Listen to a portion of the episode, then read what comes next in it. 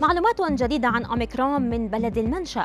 أطباء الجيش الأمريكي يبتكرون أول لقاح ضد أوميكرون ودراسة جديدة تكشف عن علاج يحمي من الاكتئاب والأفكار الانتحارية.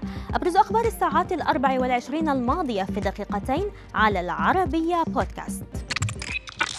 أفاد وزير الصحة الروسي ميخائيل موراشكو بأن المعلومات التي تم جمعها خلال زيارة الخبراء الروس إلى جنوب أفريقيا تدل على أن متحور أوميكرون ينتشر أسرع بكثير من السلالات السابقة. وقال إن الخبراء قيموا السير السريري لأوميكرون وخصائصه.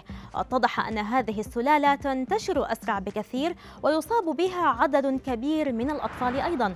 وأشار إلى أن سير المرض بعد الإصابة بمتحور أوميكرون يشبه إلى حد كبير أعراض الإنفلونزا كما أفاد بأن أنظمة الاختبار الموجودة في الأسواق لتشخيص فيروس كورونا الآن قادرة على كشف المتحور أوميكرون.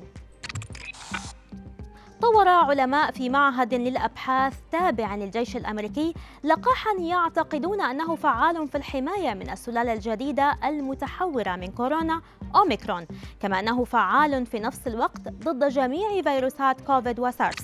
وقال تقرير إن الضربة القاضية التي يقال إنها فعالة هي تتويج لما يقرب من عامين من العمل في أكبر منشأة أبحاث طبية تابعة لوزارة الدفاع الأمريكية وتقع في ولاية ماريلاند وعلى عكس اللقاحات الحالية يستخدم اللقاح الأمريكي الجديد الذي يحمل اسم SPFN بروتينا على شكل كرة قدم مع 24 وجها يسمح للعلماء بإرفاق طفرات من سلالات فيروس كورونا. المختلفة. توصل علماء من جامعة إكستر الإنجليزية إلى نتائج مبشرة لمرضى الاكتئاب بعدما وجدوا أن استخدام الكيتامين لعلاج الاكتئاب الشديد والاكتئاب ثنائي القطب نجح في الحد من الأعراض بشكل كبير. والكيتامين الاسم التجاري لكيتالار وهو دواء يستخدم أساسا للتمهيد والمحافظة على استمرار التخدير حيث إنه يسبب حالة تشبه النشوة مع تخفيف الألم والتهدئة وفقدان الذاكرة.